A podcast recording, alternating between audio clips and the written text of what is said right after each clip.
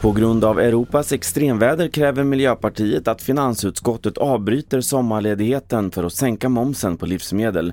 Partiet vill också införa ett pristak på högst 100 kronor för biljetter för tåg och bussar i hela Sverige året ut. Det säger språkröret Märta Stenevi.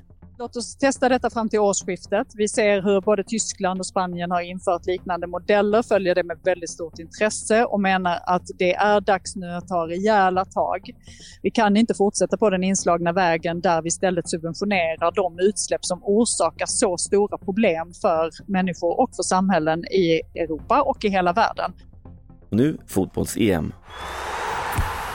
För det norska damlandslagets svenske förbundskapten Martin Sjögren sparkas efter fiaskot i EM, det rapporterar norska medier.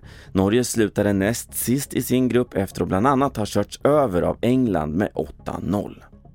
Sist om att Justin Bieber nu är återställd efter sin ansiktsförlamning som han fick av ett virus och han kommer därför återuppta sin Europaturné.